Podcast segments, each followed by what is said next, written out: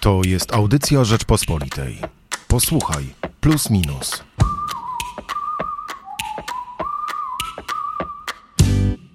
Dzisiaj porozmawiamy w duecie redaktorsko-dziennikarskim. Ja nazywam się Michał Płociński, a ze mną jest mój imiennik Michał Dobrołowicz. Dzień dobry. Dziennikarz RMFFM, publicysta magazynu Plus Minus, no i doktor socjologii, bo to też ważne, bo porozmawiamy dzisiaj o samotności. Jak Państwo wezmą dzisiaj plusa minusa do ręki, to tam e, na okładce będzie człowiek, który stoi sam na balkonie, na wielkim osiedlu, gdzie nie widać innych ludzi. Kot w oknie jest. Kot jest, tak, więc tak zupełnie sam to nie jest słusznie. I temat numeru chorzy na samotność, bo temu po, przyjrzeliśmy się w najnowszym wydaniu Plusa Minusa, przyjrzeliśmy się w czterech tekstach, w tym w jednym twoim. Twój tekst nosi tytuł, który od razu intryguje. Jeden kolega wystarczy.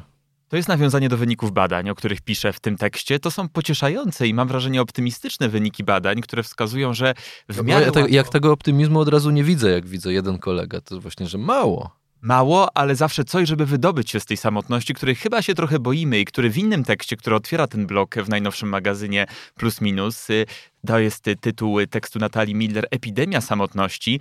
Y, To od razu budzi lęk, budzi obawę przed tą samotnością. Tymczasem piszę w moim tekście o takich wynikach badań, które pokazują, że wystarczy czasami jeden dobry kontakt, jedna dobra relacja zawodowa, aby nie czuć się samotnym i osamotnionym w miejscu pracy. To może być taka relacja zbudowana na emocjach, y, jedna tylko relacja z jedną osobą, która gdzieś jest w naszym życiu zawodowym. Niekoniecznie musi być osobą z naszej firmy, czy niekoniecznie z naszego działu. To może być osoba, która po prostu pracuje w naszej branży z którą regularnie się kontaktujemy, przed którą jesteśmy otwarci, szczerzy i dzięki temu ta relacja trochę nas wyzwala i zabiera z nas tę samotność. No ja bardzo się boję nowych miejsc pracy. Zawsze się bałem, wiesz. Y, Zacząłem pracować w dziennikarstwie już w trakcie liceum i zawsze jak gdzieś przychodziłem, to wydawało mi się, że to jest najgorsze miejsce, jakie w życiu spotkałem, że tutaj wszyscy są dla mnie niemili, prawda? Jest taki... Pierwsze wrażenie. Tak, nigdy nie potrafiłem się odnaleźć w takim nowym miejscu. A co to powodowało? Ta niepewność, jak zareagują wszyscy, taka świadomość, takie poczucie, że wszyscy na mnie patrzą i mnie oceniają, Że nikogo nie znam, że nie mam żadnych relacji zbudowanych, i prawda? że wszystko na nowo. Wszystko na nowo. Tylko ktoś mógłby pomyśleć, y, że to jest może atut naszej sytuacji, bo jesteśmy trochę jak ta tabula rasa, czysta kartka, wszystko możemy napisać od nowa i na nowo może zbudować swój wizerunek i może jeśli do tej pory mieliśmy poczucie, że jest w nas jakiś deficyt, to może teraz tego w ogóle nie będzie widać i sobie tę nową relację napiszemy zupełnie na nowo. Ja w tym tekście o samotności piszę też o tym, że my w naszym życiu zawodowym funkcjonujemy w pewnego rodzaju segmentach na rynku pracy. Socjologowie pracy mówią o segmentacji rynku pracy, która w gruncie rzeczy polega na tym, że my organizujemy się i myślimy o naszym miejscu pracy poprzez pryzmat naszej branży. Doskonale orientujemy się, które firmy w naszej branży są tymi atrakcyjnymi, tymi, gdzie chce się pracować, gdzie jest wielu chętnych, a które są tymi, gdzie ten prestiż, to powodzenie, ta dobra opinia jest delikatnie mówiąc trochę gorsza. Więc y, ta nasza bańka, ten segment, to środowisko nie jest takie duże. Mówi się czasami, świat jest mały, bo te nasze branże też nie są takie duże. Wydaje mi się, że coraz częściej w tym nowym miejscu pracy, jeśli to nie jest zupełnie nowa branża, jednak y, jacyś znajomi są. Ja przyznam się, że przed To Im dłużej jesteś na rynku pracy. Dokładnie tak. Oczywiście, jeśli ktoś jest kilka lat czy kilkanaście lat, ty powiedziałeś o liceum, więc niedawno zacząłeś, Michale, e, te, te prace. Także myślę, że też już te e, relacje powoli, powoli, powoli się budują. No dobra. Czy mamy problem z samotnością? To jest pewnie pytanie, które powinienem na wstępie postawić doktorowi socjologii. Wygląda na to, że tak i coraz więcej badań to potwierdza, coraz więcej autorów także tych najnowszych tekstów w najnowszym wydaniu magazynu Plus Minus. To jest problem, który ja stawiam taką tezę w moim artykule, y, potęgują i przyspieszają dwa zjawiska. Pierwsze z nich to trwająca od ponad 2,5 roku pandemia koronawirusa. Drugie zjawisko to sytuacja gospodarcza, kryzys, inflacja oraz obawy przed kolejnym 2023 rokiem, który również zapowiada się jako kryzysowy. Wielu ekspertów, wielu ekonomistów prognozuje, że te wysokie ceny, które teraz obserwujemy w sklepach, które będziemy obserwować przed świętami, przełożą się już w przyszłym roku, w pierwszej połowie przyszłego roku na spadek popytu. A to z kolei może doprowadzić do fali zwolnień w wielu przedsiębiorstwach. Tak mówi teoria ekonomiczna. Jaki to ma efekt, jeśli chodzi o życie zawodowe? Coraz większą konkurencję, coraz większą rywalizację na rynku pracy, czy w miejscu naszej pracy, w firmie, w której pracujemy albo z którą współpracujemy, a efektem tej rywalizacji, konkurencji może być właśnie samotność. No właśnie, ale to jak już nawet byśmy zostawili ten rynek pracy, pracy i, i, i w ogóle tą pracę, o której ty piszesz w tekście Mhm. Jeden kolega wystarczy, to w jaki sposób na samotność mogą właśnie wpłynąć te problemy gospodarcze? E, Bo pandemia to rozumiem. Mhm. Zamknięci w domach, nagle się orientujemy, że ojej, tych relacji może tak dobrze zbudowanych nie mieliśmy wcześniej. Nagle wystarczy nie przyjść do biura i trochę nam się rozsypuje życie towarzyskie, prawda? A jednocześnie w pandemii pracowaliśmy bardzo często zdalnie. Sami, jeśli ktoś miał taki komfort w pustym mieszkaniu, w pustym domu. Jednocześnie w czasie pandemii mam wrażenie, że nauczyliśmy się też tego, że trochę sami za siebie odpowiadamy i pracujemy na swój rachunek, nawet jeśli chodzi o nasze zdrowie. Sami możemy zadbać o naszą odporność. To my zdecydujemy, czy sięgniemy po szczepionkę, czy nie. Czy założymy maseczkę, czy nie. Czy jeśli widzimy, że dookoła nas jest sporo osób, to czy wejdziemy do tego pomieszczenia, czy jednak poczekamy trochę. To były nasze decyzje. Tutaj każdy z nas ma swoją indywidualną odporność i to też nam pokazała pandemia, że musimy o nią dbać sami, bardzo indywidualnie, trochę samotnie, bo nikt za nas tego nie zrobi i myślę, że pod tym kątem pandemia też y, pokazała nam, że pracujemy pracujemy nie tylko w sensie zawodowym, ale pracujemy tak na co dzień, pod kątem naszej formy, naszej kondycji, naszego zdrowia, na własny rachunek. I myślę, że to się też rozszerza na inne sfery życia, bo my coraz częściej widzimy, że po prostu musimy działać sami, bo jesteśmy indywidualnie rozliczani w pracy, bo indywidualnie otrzymujemy wynagrodzenie. Po prostu dbamy trochę o swoją markę. Ja przychodząc do ciebie i dziękuję ci za zaproszenie do tego podcastu i do tej rozmowy, też w tej chwili trochę pracuję na swoją własną indywidualną markę. Tak jak choćby w magazynie Plus Minus każdy z nas jest podpisywany swoim indywidualnym nazwiskiem.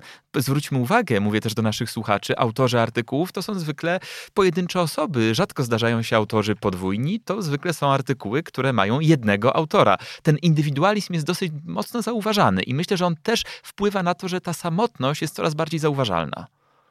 No ale zaczynamy dzięki pandemii, mam nadzieję, rozsądniej, poważniej, częściej myśleć właśnie o wadze relacji, prawda?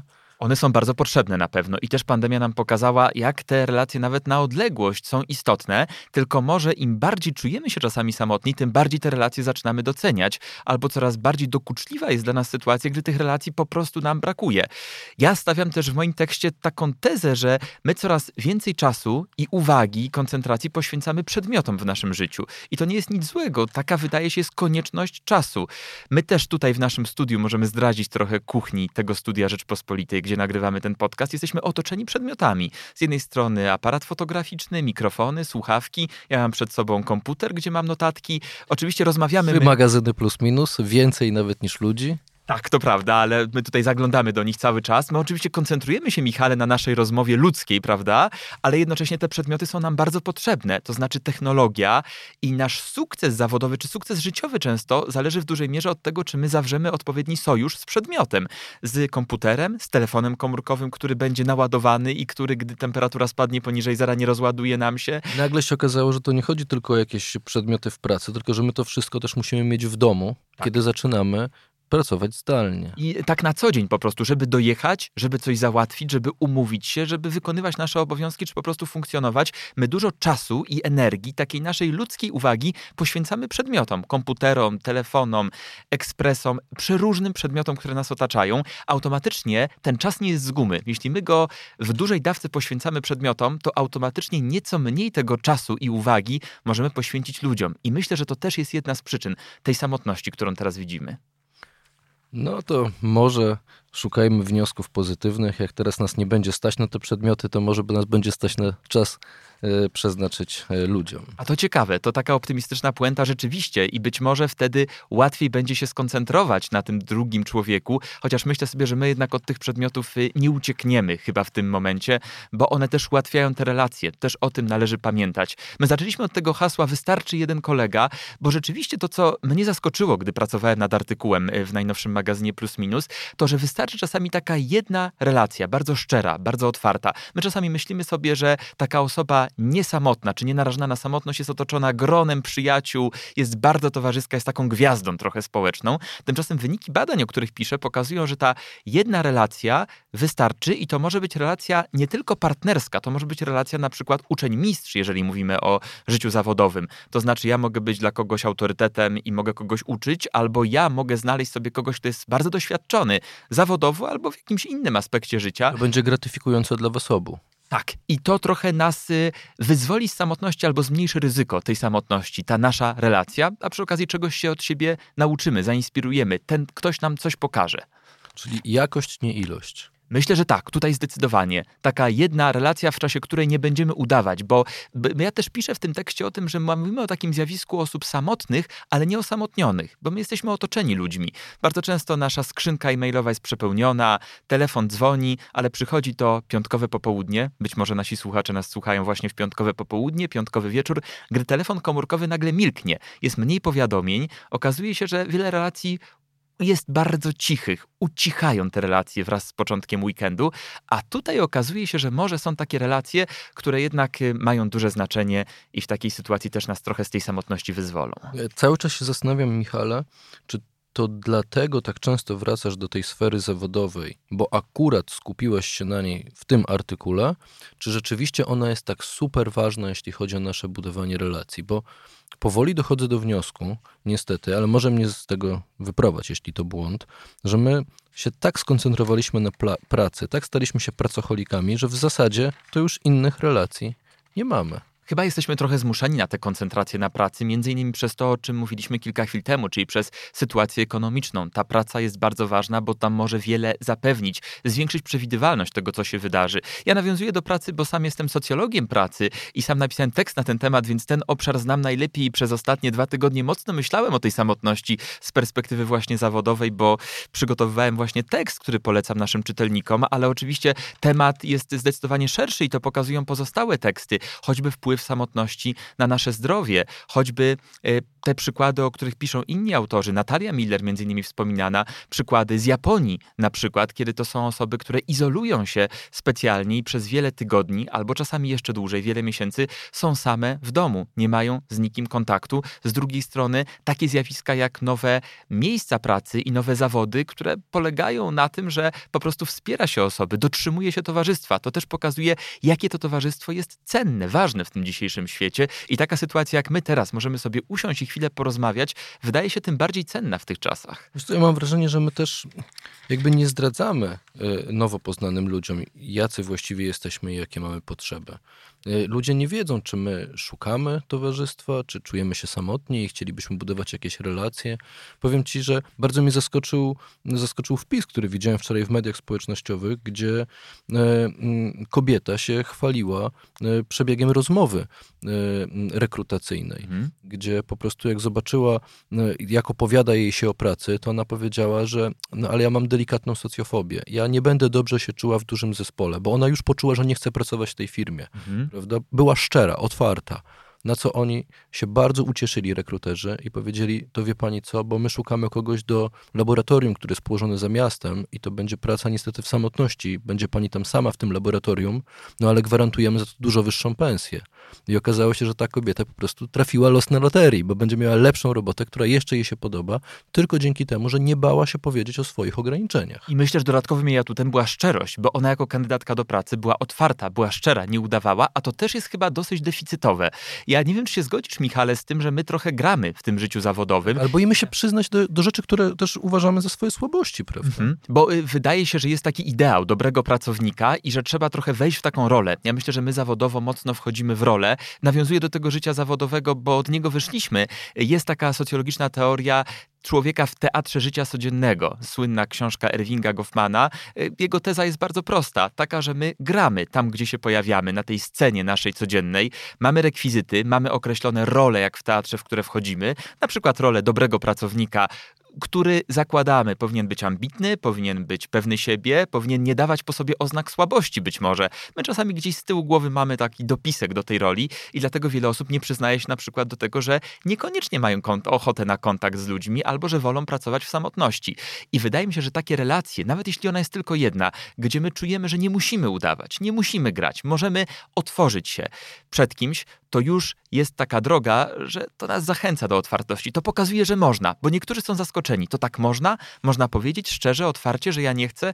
Okazuje się, że tak i wtedy jest trochę łatwiej i wtedy też chyba my jesteśmy bardziej otwarci na innych ludzi. Czy takie właśnie nie są zetki? Ja wiem, że nie mamy dobrze przebada przebadanego tak zwanego pokolenia Z, tego najmłodszego, które teraz zaczyna wchodzić na rynek pracy, no ale mamy za to dużo różnych y, relacji, na przykład przedsiębiorców, jak oni nie potrafią sobie poradzić z pracownikiem, który przychodzi i mówi, ale ja nie chcę, ja, ja to mogę mniej zarabiać, ja chcę mieć czas, żeby pójść sobie w piątek do pubu. Mhm. Ale ja, ja w weekend to nie mam mowy, bo ja tutaj chcę sobie po, polatać po, po, po świecie, prawda, i już mam zaplanowane e, trzy weekendy w Kopenhadze i w Sztokholmie. Ja nie potrzebuję podwyżki, ja wolę inaczej. I pracodawcy są nagle zszokowani. Oni opowiadają nam Rzeczpospolitej, że przecież to w ogóle do niczego niepodobne. Ci pracownicy w ogóle nie chcą skupić się na pracy. To się chyba trochę zmienia, ale zgadzam się z Tobą, że jeszcze kilka lat temu ja sporo analizowałem wyników badań na temat pokolenia Y i pokolenia Z, o którym powiedziałeś, czyli tych urodzonych po 2000 roku, już w XXI wieku albo po 95 roku, generalnie osób, które są w wieku około 20 lat, czy tuż po 20 roku życia i wchodzą na rynek pracy. I rzeczywiście, jeszcze 5 lat temu ja widziałem taką narrację dominującą i taki komentarz pracodawców, to są nielojalni pracownicy, roszczeniowi, często pojawiało się takie słowo, zbyt pewni siebie, zbyt szczerze o sobie mówią. Teraz to zaczyna być, bardzo powoli moim zdaniem, ale chyba to idzie w tę stronę, być postrzegane jako atut, że te osoby wiedzą, czego chcą mają bardzo uporządkowane preferencje i wiedzą, że po prostu muszą wyjść we wtorek o godzinie 16.30 z pracy, bo mają wtedy siłownię. I ta siłownia to nie jest tylko ich widzimisię, bo tak to może było jeszcze do niedawna postrzegane. Potrzebne na przykład dla ich do zdrowia psychicznego. Tak, albo i fizycznego, które też, co pandemia nam pokazała, bardzo przekłada się na to, że taka osoba, która jest zdrowa, po prostu może być lepszym pracownikiem, bo bardziej przewidywalnym pod kątem takim, że ona będzie w pracy, bo rzadziej będzie chodzić na zwolnienie lekarskie, bo będzie mniej narażona na różnego rodzaju rodzaju zakażenia, choćby to, o którym mówimy najwięcej przez ostatnie dwa lata, ale i inne choroby. Więc może taka postawa będzie też koniec końców w efekcie finalnie z pewną korzyścią dla pracodawcy, bo ta osoba wie, czego chce i potrafi trochę o siebie zadbać przez ten indywidualizm. Mam wrażenie, że to zaczyna być tak postrzegane. Pokolenie Z, o którym powiedziałeś, ma też taką cechę, która potwierdza się w wielu, wielu badaniach socjologicznych, marketingowych, że jest bardzo spragniona tak zwanego feedbacku, informacji zwrotnej. Chce rozmawiać o swojej pracy, chce otrzymywać bardzo bardzo często informacje o tym, jak pracodawca ocenia jej pracę. Najlepiej nie raz na pół roku, niech to będzie raz w tygodniu, niech to będzie nawet bardzo krótka rozmowa, niepogłębiona, ale niech to będzie częste. Ta osoba lubi czuć się w centrum zainteresowania, w centrum uwagi, chce tej relacji, wręcz domaga się częstej informacji zwrotnej i mam wrażenie, że to też jest takie trochę wołanie o zainteresowanie w sytuacji, kiedy ta samotność i osamotnienie trochę też coraz bardziej dotyczy pracowników. No właśnie, to więc pewnie nie ma prostej odpowiedzi na to, czy to młode pokolenie będzie mm, mniej samotne, czy bardziej. No, albo nawet nawiązując do naszego tematu, numeru, tytułu, który mamy na okładce plusa minusa, czy będzie bardziej chore na samotność, czy mniej? Jeszcze nie wiemy, czy bardziej chore, ale postawiłbym tezę, że bardziej narażone na samotność. Przez wiele zjawisk, przez to, że coraz częściej pewnie będziemy pracować z przedmiotami, przez to, że pewnie będziemy rywalizować i nic nie zapowiada, żebyśmy byli w pracy częściej rozliczani zespołowo. Będziemy pewnie wciąż rozliczani indywidualnie. Patrząc na aktualną sytuację na rynku pracy, wielu z nas pracuje w kilku miejscach i ciężko się zorganizować pracując w kilku miejscach. Mamy wielu freelancerów, którzy w każdym miejscu pracy indywidualną strategię muszą muszą mieć. Wobec tego powiedziałbym, że będziemy coraz bardziej narażeni na samotność, ale chyba też wiemy coraz więcej, jak się przed nią bronić. I o tym też dzisiaj dyskutujemy, o tym dyskutujemy na łamach plusa minusa. Pytanie, jak wykorzystamy tę wiedzę. Bardzo Ci dziękuję za tą rozmowę. Michał Dobrołowicz, doktor socjologii po pierwsze, no ale dziennikarz RMFFM, publicysta Plusa Minusa. Dzisiaj opowiadał nam o najnowszym wydaniu naszego magazynu. Dzięki. Bardzo dziękuję, polecam się. No i my polecamy oczywiście też nasz magazyn już w sobotę w kioskach i już od dzisiaj, no bo dzisiaj jest premiera podcastu w piątek i dzisiaj jest też nasza premiera internetowa na rp.pl. Zapraszamy do czytania nas w papierze, w cyfrze. Zapraszamy oczywiście także po wykupienie prenumeraty, by zawsze plus minus w weekend czekał, albo subskrypcji, by zawsze można było sprawdzić nie tylko teksty z tego weekendu, ale i wszystkie, które opublikowaliśmy. O, od bardzo dawna. Michał Płociński, dziękuję bardzo. Słuchaj więcej na stronie podcasty.rp.pl. Szukaj Rzeczpospolita Audycje w serwisach streamingowych.